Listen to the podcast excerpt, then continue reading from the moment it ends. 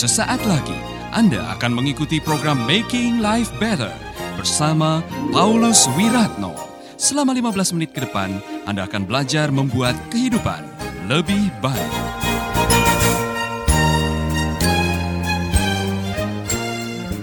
Jadi krisis menyingkapkan siapa engkau yang sebenarnya. Orang yang reaktif sedikit-dikit bereaksi, dikit-dikit emosi, dikit-dikit marah. Jadi kalau saudara mau tahu jerohan saudara, tahu jerohan? Ya. Kok apa? Jerohan bukan kedalaman. Mau tahu aslinya saudara itu maksudnya. Saya pakai istilah jerohan itu usus, hati, babat itu jerohan.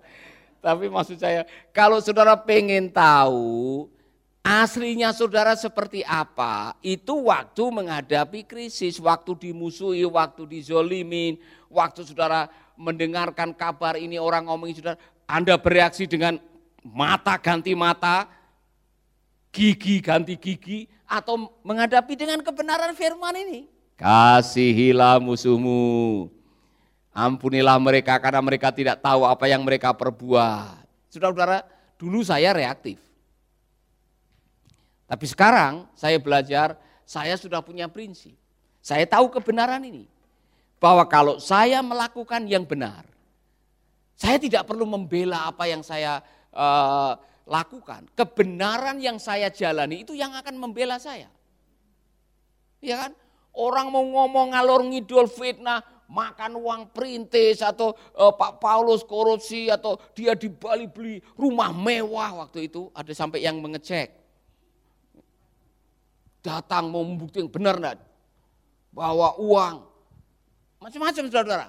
Saya belajar tenang, saya kalau saya tidak melakukan, nanti yang maha benar akan membela perilaku saudara-saudara. Dan semua mata akan terbelalak. Oh, oh, yang saya kasihan saudara-saudara adalah orang-orang yang sudah terlanjur mempercayai sebelum lihat. Sebelum tahu buktinya udah membenci saya duluan. Padahal saya sudah siapkan amplop di belakang. Iya kan? Saudara-saudara, jangan cepat bereaksi oleh karena perasaan, oleh karena penglihatan, padahal saudara belum tahu yang sejatinya. Karena di balik semua yang sedang terjadi, Allah sedang menuntun saudara untuk sekolah karakter. Maka saya percaya sekali, fakta bahwa Yesus diam. Pada waktu difitnah, pada waktu diperlakukan tidak adil, pada waktu dituduh, dia diam, tidak ada satu kata pun. Itu adalah contoh karena dia guru kita. Maka kita yang dikirim ke dunia untuk sekolah karakter harusnya memiliki pikiran dan perasaan Kristus. Amin. Haleluya. Jadi kalau Pak Rudi tiba-tiba ada gosip, wah Pak Rudi ini bisa beli rumah misalkan aja. Ini pasti dia ambil uang haram. Ya kan? Tidak usah ditanggapi, senyum aja. Terima kasih saudaraku sudah menggosipkan saya karena gosipmu membuat saya viral. Iya kan? Saudara tidak perlu takut. Karena Tuhan itu tidak tutup mata. Haleluya. Jadi ini ada kisah yang menarik mengenai bedah gereja Niku. Karena ternyata waktu ada bedah gereja Niku ini ada orang yang mungkin tidak begitu suka dengan Mercy Indonesia. Sampai ada kecurigaan, woi nanti Mercy Indonesia bikin gereja. Jadi ada ketakutan-ketakutan itu. Kemudian uh, sampai uh, kepolisian mengecek. Ya kan? Apa benar ini isunya? Dan ternyata saudara, justru waktu dia mengecek, dia terbeban malah ngasih semen. Dan sekarang kelompok ini akhirnya berpartner dengan kita, mau sama-sama melakukan bedah gereja. Yang di dalamnya ada mantan Wakapolda dan sebagainya. Saudara-saudara, jadi ternyata kadang-kadang Tuhan izinkan itu orang-orang yang uh, suka aneh-aneh itu saudara-saudara, dia diizinkan oleh Tuhan. Jadi saya selalu mengatakan kalau ada pengkhianat yang pernah mengkhianati hidup saudara, saudara harus berterima kasih. pengkhianat itu walaupun dia menyakitkan pengkhianatannya ada baiknya. Mau tahu? Mau tahu kebaikan seorang pengkhianat? Pengkhianat menunjukkan kepada kita siapa musuh-musuh kita yang sebenarnya. Orang yang memusuhi kita selama ini akan pakai pengkhianat untuk mengkhianati kita. Jadi saudara, Anda tidak perlu takut dikhianati. Anda tidak perlu takut dimusuhi. Karena kalau kita tetap hidup di dalam kebenaran firman, kasihilah musuhmu. Saudara bisa bangga sendiri. Wow, saya ini dikhianati kok masih bisa tidur nyenyak ya. Saya dikhianati kok masih diberkati. Wah, pengkhianat kita malah tambah susah ya. Saya sudah khianati dia kok malah mengatakan ya Bapak ampunilah. Pengkhianat itu mengharapkan, musuh saudara mengharapkan waktu kita dimusuhi kita akan susah. Ya kan? Musuh saudara itu senang kalau saudara susah. Tapi pada waktu Anda dimusuhi kok malah dipromosikan seperti Yusuf. Mereka kurang ajar salah saya memusuhi dia, ya kan? Jadi begini saudara ini pelajaran dalam hidup kita. Kadang-kadang dalam hidup ini, saudara akan menemukan hal, -hal seperti ini. Jangan kaget kalau engkau menemui kesulitan. Jangan kaget kalau engkau menemukan permusuhan. Saudara tahu kata musuh di dalam bahasa Yunaninya, saya pernah membahas ini, ekstros. Ekstros itu apa? Orang yang tidak menyukai saudara. Orang yang bikin susah saudara. Orang yang selalu melawan saudara orang yang tidak setuju dengan saudara, itu ekstros. Dan untuk menemukannya tidak mesti harus jauh-jauh. Kadang-kadang dalam rumah sendiri saudara akan ketemu dengan itu. Ya kan? Di dalam satu gereja saudara ketemu dengan itu. Dalam satu kantor saudara ketemu dengan itu. Jadi mari kita belajar mempraktekkan firman Tuhan ini karena di balik firman Tuhan kasihilah musuhmu, Tuhan sedang membentuk karaktermu. Tuhan sedang menuju atau menolong engkau mencapai tujuanmu. Dan mengapa Tuhan mengizinkan permusuhan untuk menguji kasihmu di dalam perjalanan hidupmu. Amin. Yang terakhir, permusuhan itu diizinkan oleh Tuhan untuk menguji visimu. Mungkin orang yang paling banyak dimusuhi oleh karena visinya yang besar adalah Nehemia. Nehemia pada waktu dia punya visi besar untuk membangun kembali tembok Yerusalem, tidak mudah saudara-saudara. Ada banyak orang, mungkin bupati yang lain, orang-orang yang lain mencurigai, ada orang-orang yang tidak sepakat berusaha untuk membatalkan, menggagalkan rencananya.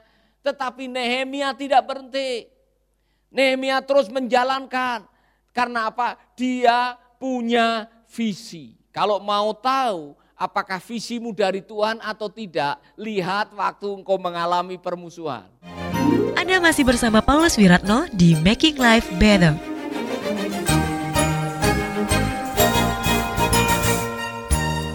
Kalau hanya gara-gara masalah sepele, gara-gara ditolak, gara-gara menghadapi kesulitan, gara-gara kekurangan uang, gara-gara kritikan orang, kemudian saudara berhenti, mungkin visi saudara bukan dari Tuhan. Sebab kalau visimu adalah dari Tuhan dan engkau meyakini itu dari Tuhan, engkau akan berani bertaruh nyawa demi apa yang itu adalah visi dari Tuhan. Amin. Jauh di lubuk hatinya Yusuf, saya bisa menebak apa yang pernah dibagikan kepada ayah dan saudara-saudaranya mengenai menjadi orang yang dihargai, itu dia yakin bahwa itu dari Tuhan. Mimpi Yusuf yang disampaikan kepada saudara-saudaranya diyakini sebagai sesuatu yang benar. Maka walaupun dia harus mendekam 13 tahun dalam penjara, Yusuf tidak berhenti. Yusuf menjalani itu karena dia tahu di balik itu walaupun tidak disingkapkan semuanya, di balik itu ada rencana Tuhan yang luar biasa melalui kehidupannya. Amin. Musa tidak berhenti di padang gurun dan ngambek kembali ke Mesir. Dia terus berjalan walaupun tidak sampai ke tanah perjanjian, Dia terus berjalan dan akhirnya umat Tuhan masuk ke tanah perjanjian. Abraham tidak berhenti walaupun menunggu terlalu lama untuk visinya menjadi kenyataan. Abraham terus menjalankan rencana Tuhan dan sampai pada penggenapan. Saudara-saudara, kalau mau tahu mengapa kita diizinkan menghadapi permusuhan, karena permusuhan menguji komitmen Anda mencapai visi ilahi. Makanya saya paling senang dengan orang yang tidak mudah menyerah. Karena saya adalah contoh ya, orang yang tidak mudah menyerah. Pada waktu memulai proyek ini ada yang seperti menyepelekan, ah Pak Paulus, kalau tidak ada saya kamu tidak akan berhasil. Ada yang mengatakan, mau apa? Jangan lagi melayani dengan Paulus Wiratno. Ada orang-orang yang ngomong seperti itu, saudara. Saya yakin keputusan saya tahun 96 saya sudah membuat keputusan bahwa saya akan memulai sebuah pelayanan yang besar. Waktu itu belum tahu. Tetapi dari pertemuan saya dengan Pak Rod Plummer, dengan Pak Michael Murphy, kami sudah membayangkan Bali menjadi headquarter. Sudah ada waktu itu. Kemudian terjadi permusuhan. Ambon ada kerusuhan. Ternyata kerusuhan itu mengantarkan saya ke Bali dan mulailah pelayanan Mercy Indonesia. Ya terima kasih musuhku yang ada di Ambon sana. Amin. Haleluya. Jadi bisa senyum kepada musuh. Terus mengucapkan terima kasih musuhku. Karena permusuhanmu karakterku lebih baik, imanku lebih kuat, fisikku lebih nyata, dan pada akhirnya aku bisa mencapai rencananya berkat Anda semuanya. Haleluya. Amin. Jadi Bapak Ibu yang sedang dimusuhi, jangan lupa nanti kirim WA kepada musuh-musuh saudara dan ucapkan terima kasih. Amin. Nah, lihat positifnya, jangan lihat sakit hatinya, saudara. Kalau mau lihat sakitnya, saudara-saudara tidak akan pernah lihat bahwa di balik semuanya itu ada permusuhan itu ada berkatnya sendiri-sendiri. Haleluya. Nah, saya saya kurang tahu kenapa waktu Yudas datang kepada Yesus dan Yudas sudah melakukan sesuatu yang sangat menyakitkan karena sudah menjual Yesus dengan 30 keping perak. Saya kaget waktu Yudas datang, Yesus masih pakai kalimat, mau apa dengan aku kawan? Kawan, sudah lihat kawan. Pengkhianat disebut kawan karena ternyata sadar atau tidak dia sedang mengantarkan Yesus ke kayu salib. Yang itu adalah tujuan aslinya datang dari surga ke dalam dunia untuk disalibkan, berkorban bagi saudara dan saya. Haleluya. Hidup ini singkat, saudara-saudara. Kasihilah temanmu, kasihilah musuhmu. Karena dua-duanya kadang-kadang bisa berubah peran, tergantung keadaan. Pak Roni jangan anggap orang-orang yang senyum dengan Pak Roni, haleluya Tuhan baik. Selamanya akan seperti itu, kadang-kadang berubah. Ya kan? Gara-gara tidak dapat sembako bisa berubah. Gara-gara salah omong ya gara-gara keadaan kita orang bisa berubah kapan saja. Di dalam dunia ini. Maka Yesus sudah memberikan semacam parameter. Kalau engkau hatimu supaya tidak berubah dalam keadaan apa pun juga, kasihilah dua-duanya ini. Sehingga ketika mereka berubah peran hati kita tidak berubah karena kita punya firman yang kekal yang tidak berubah dalam keadaan apa saja. Amin. Mari kita berdiri bersama-sama, kita menyanyikan sebuah lagu, Ajarilah kami bahasa cintamu agar kami dekat padamu ya Tuhanku. Saya mau mengajak saudara-saudara tolong sementara menyanyikan lagu ini, ingatlah orang-orang yang pernah bikin sulit hidup saudara ya kan mungkin itu orang tuamu, mungkin anakmu, mungkin istrimu, mungkin suamimu, mungkin anggota jemaatmu nyanyikan lagu ini sebagai sebuah komitmen. Ajarilah kami bahasa cintamu. Ya. Saya tidak tahu situasi saudara, tapi kalau firman Tuhan pagi hari ini menemplak saudara, mengoreksi, menegur, menguatkan, saya mau mengajak saudara-saudara datang kepada Tuhan. Lepaskan pengampunan, belajar memberikan kasih sayang. Amin.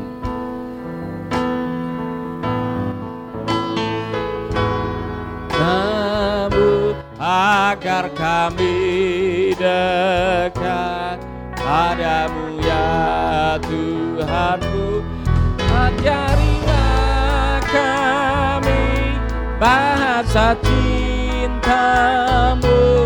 agar kami dekat padamu ya Tuhanku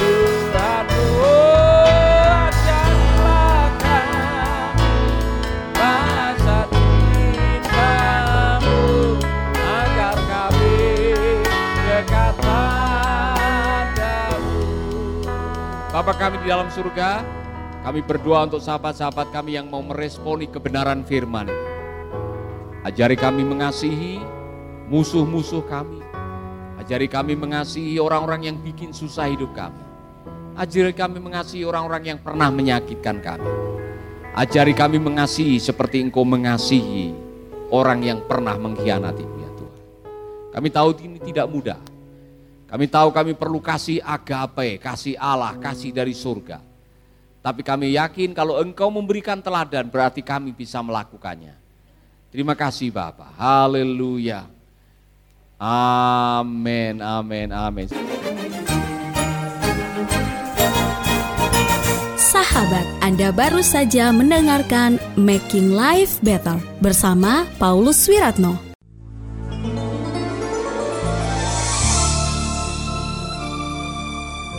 Keluarga Gracia, biarlah firman Tuhan selalu menjadi pelita dalam hidup kita sepanjang tahun ini.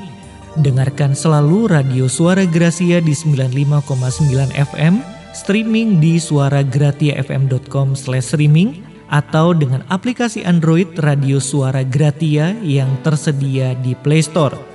Jika Anda diberkati oleh siaran suara Grasi FM dan mengalami kuasa mujizat Tuhan, mari menjadi berkat dengan mengirimkan kesaksian ke WhatsApp Radio Suara Grasi FM di 0817 222959. Biarlah melalui kesaksian Anda, banyak jiwa dikuatkan dan dibangkitkan kembali imannya. Tuhan memberkati.